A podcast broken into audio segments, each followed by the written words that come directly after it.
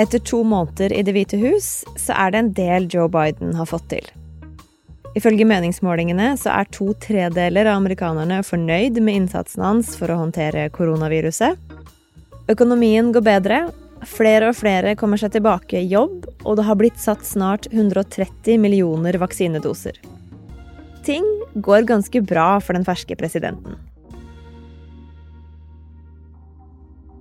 Men ett problem har bare vokst seg større. For på grensa mellom USA og Mexico så er det folk som ikke har mat. Barn som blir innelåst i mange dager i strekk, mye lenger enn loven tilsier at de kan. Og stadig kommer det enda flere mennesker fra Latin-Amerika som vil inn i USA. Biden har jo bare vært president i to måneder, og nå står han egentlig allerede overfor sin første skikkelige politiske krise. Og det er jo ikke bare det at det er en politisk krise, han risikerer både å erte på seg høyresiden i USA og venstresiden i sitt eget parti på samme tid. Du hører på Forklart fra Aftenposten. Jeg heter Anne Lindholm, og i dag er det torsdag 25. mars.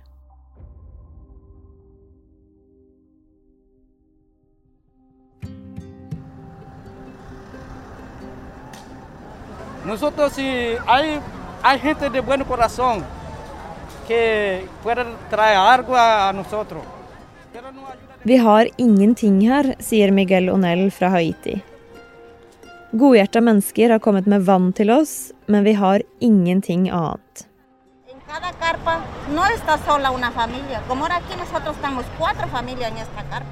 Vi bor fire familier i dette teltet, sier Letizia og peker på et lavt, blått telt, et man ville sove to, kanskje tre stykker i på festival.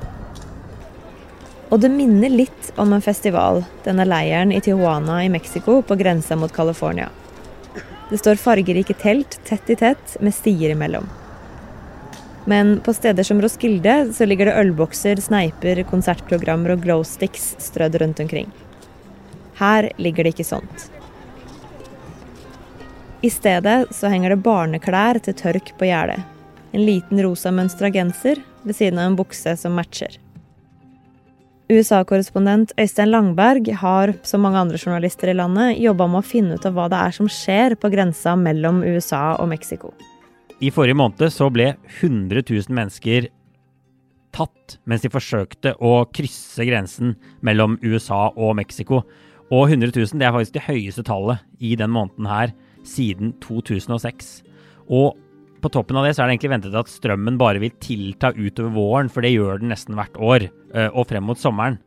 Og samtidig med det her så sitter det rekordmange enslige barn, altså barn som reiser alene, i amerikanske grensemottak. Det siste tallet jeg så var 15 000.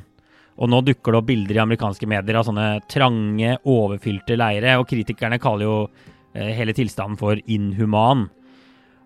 Egentlig så er det sånn at barn bare kan holdes i tre døgn i disse leirene. Det er det loven sier. Men nå har 5000 av dem sittet lenger enn det. Noen mye lenger. Og Øystein, hvor begynner det problemet her? Nei, altså det er jo ikke noe nytt at latinamerikanere forsøker å komme seg inn i USA. Det har man jo sett i lang, lang tid, altså egentlig hundrevis av år. Eh, og det var også sånn at migrasjonsstrømmene de var langt større rundt år 2000 enn de har vært de siste årene. Og så er det sånn at hvem som kommer i disse bølgene, har endret seg en del over tid. Nå er det mye færre fra Mexico og mange flere fra land lenger sør, altså nede i Mellom-Amerika. Og mange av de menneskene de flykter fra, fra krig, vold, øh, narkokarteller. Og de sier at de ser ikke noen annen utvei enn å forsøke å bygge seg et bedre liv i USA. Og de vet at veien er full av farer, men de mener at det er verdt å ta den risikoen, da også risikoen at det til slutt ikke kommer inn i USA. Og flere presidenter har jo prøvd å håndtere det på forskjellige måter. Hva skjedde mens Trump var president? Nei, når man ser på hele Trumps politikk, så var jo kanskje noe av de viktigste løftene hans nettopp de som handlet om innvandring. Trump lovte å slå knallhardt ned på innvandring, og særlig da den ulovlige, ulovlige innvandringen. Uh, og vi kan jo ta noen av eksemplene på ting han gjorde. Altså For det første så er dette grensegjerde veldig kjent. The wall is very, very uh, on its way. It's happening. Og En annen veldig velkjent sak er jo at barn ble skilt fra foreldrene sine i disse amerikanske mottaksleirene på grensa. Det skapte jo mye harme og veldig store overskrifter både i USA og i, resten av verden. Og så kom korona. Og det siste året så har grensa til Mexico vært nesten helt stengt. Trump innførte noen veldig strenge restriksjoner pga. koronaviruset, som gjorde at nær sagt alle, også enslige barn, som prøvde å komme seg inn i USA, ble avvist med begrunnelse for at de, de kunne bringe med seg smitte eh, og bidra til koronautbrudd i USA. Og så kan man selvfølgelig debattere hvor effektive hele denne smørbrødlista med tiltak var. F.eks. denne muren han bygde, det er det jo delte meninger om. Men det som det ikke er til å ta feil av, er jo det gjennomgående budskapet til Trump. Og det var hold dere hjemme, ikke kom til USA.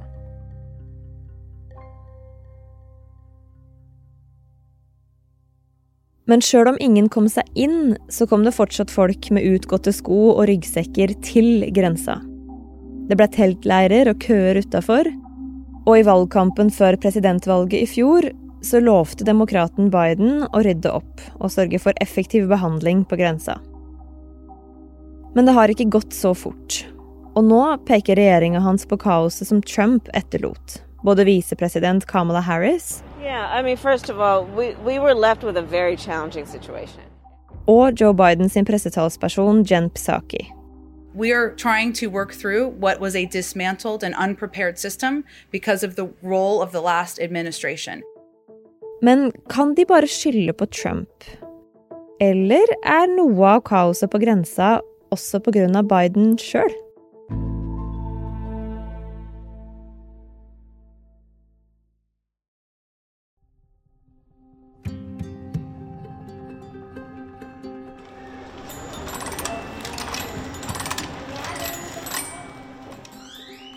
En baby sitter på fanget til Naciel Marin fra Nicaragua mens hun spiller litt på en xylofon.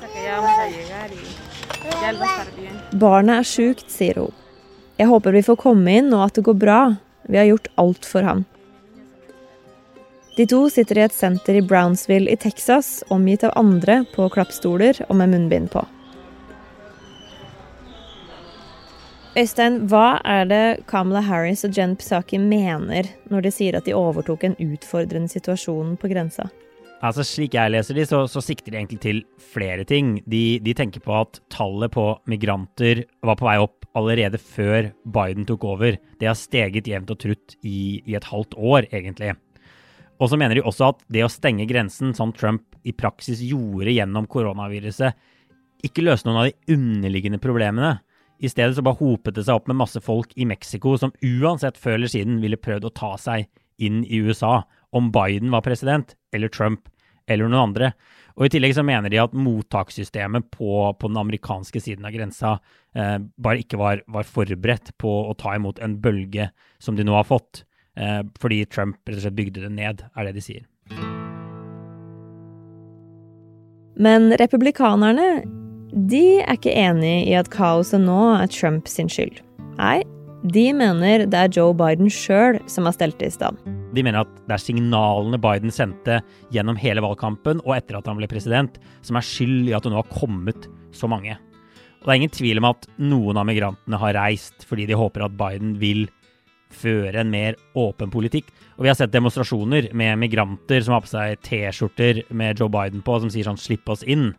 Uh, også Mexicos president har sagt at de ser på Biden som, som migrantpresidenten. Og også i intervjuene fra grensa så er det mange som nevner presidenten ved navn.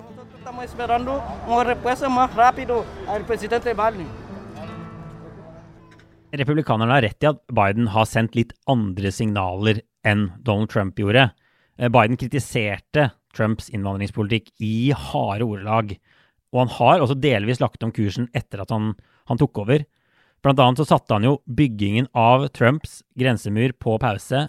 Men jeg tror det aller viktigste som har skjedd etter at han tok over, var at han lettet litt på den der totale nedstengingen som Trump har gjort på grensa pga. koronaviruset. Og det er fortsatt sånn at den store majoriteten av de som kommer der, blir bare blankt avvist og sendt tilbake til Mexico eller andre land. Men Biden har sagt at USA vil ta imot disse enslige mindreårige asylsøkerne. Og det er jo nettopp en viktig grunn til at nå kommer så mange av disse, og at leirene i USA fylles opp. Og signaler som det kan ha en del å si. Og nå har Biden også justert budskapet sitt. I et intervju nylig så sa han 'ikke dra', altså til USA. Og USAs sikkerhetsminister sa at eh, grensen er stengt. Og man har også sett at menneskesmuglere de, de, tar Bidens budskap om kanskje noe gjenåpning, og så forsterker de det veldig. Og så sier de nå må dere dra, nå er grensa til USA åpen. Og så bruker de det til å rekruttere migranter da, for å få opp, opp strømmene. Så det betyr en del, men det betyr ikke alt. Og det er også sånn at situasjonen i de landene migrantene reiser fra, spiller en viktig rolle. F.eks. Altså Honduras, El Salvador og steder som det. Og Latin-Amerikas økonomi, akkurat som økonomien i mange andre land, ligger med brukket rygg etter et år med koronavirus, nedstengninger, smitteeksplosjon. Og så var det også flere orkaner som kom og, og feide innover disse landene mot slutten av i fjor, og som ødela hus og avlinger. Og det er jo også noe som bidrar til at folk pakker sekken og drar akkurat nå. Og åssen ser det her ut for Biden nå, da? Nei, Biden står i en skikkelig spagat her og risikerer egentlig å få det verste fra, fra to verdener. For på én side så blir han angrepet fra høyresiden for å ha åpnet grensene på vidt gap, da, som de sier. Um, og republikanerne de vet at innvandring er en sak som engasjerer sine egne velgere, og som er et veldig svakt punkt for Biden. Og så på den andre siden så er det sånn at disse bildene av barn i, i, i vonde forhold, i trange mottakssentre, også skaper mye harme, særlig blant aktivister på venstresiden, da. Og, og, folk i Bidens eget parti. De vil jo ha en enda mindre streng innvandringspolitikk enn det som blir ført nå, og de er veldig kritiske til at Joe Biden har beholdt en del av de restriksjonene som, som Donald Trump innførte på innvandring. Så kan vi kalle det her en slags gavepakke til republikanerne? Ja, altså hvis innvandring og grensekaos blir den store saken fremover, så er det veldig dårlige nyheter for Joe Biden. Han har egentlig ganske lite å vinne på denne saken hans egne velgere, demokratene, setter ikke innvandringspolitikk så veldig høyt. Så hvis ting går rolig for seg på grensen, så er det ikke sånn at populariteten til Biden eksploderer. Men han har veldig mye å tape. Republikanerne er veldig opptatt av det her. Og innvandringspolitikk er allerede det politikkområdet der velgerne har måte, minst tiltro til måten Biden håndterer sakene på. Og det er det her Biden får spørsmål om når journalistene først får muligheten. Som når han er på vei fra helikopteret og inn i Det hvite hus. De spør om hva han skal gjøre, og om han har tenkt til å dra til grensa.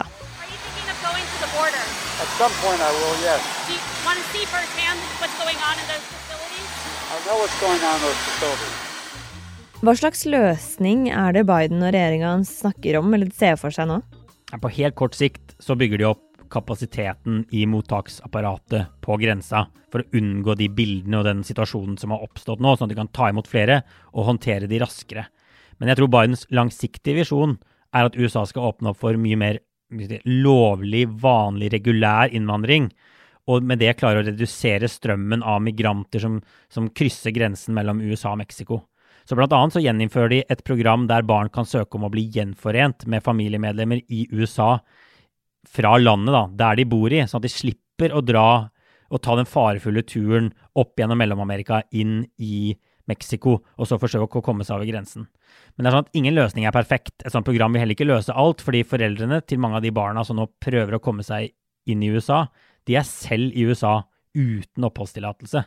Og da kan de jo selvfølgelig ikke bruke åpne offentlige programmer av den typen der. Men altså, alt, alt, annet gikk jo liksom på skinner for eh, Joe Biden. Hvor stort kan det problemet her bli framover nå, da? Ja, altså Biden har egentlig hatt en ganske god start på hele sin presidentperiode. Han er mye mer populær enn Trump var på samme tid i sin periode. Og det er jo sånn at USA vaksinerer befolkningen sin i et kjempetempo, får vi si. Han har fått gjennom en stor redningspakke, og det spås at USAs økonomi vil ta som en sånn rakett utover i, i 2021. Og så er innvandring nå det store skjæret i sjøen for Biden. Og hvis han kløner det til, så er det sånn at demokratene i verste fall kan miste kontrollen over Kongressen ved mellomvalget neste år. Og da er det sånn at Bidens agenda langt på vei er død etter bare to år.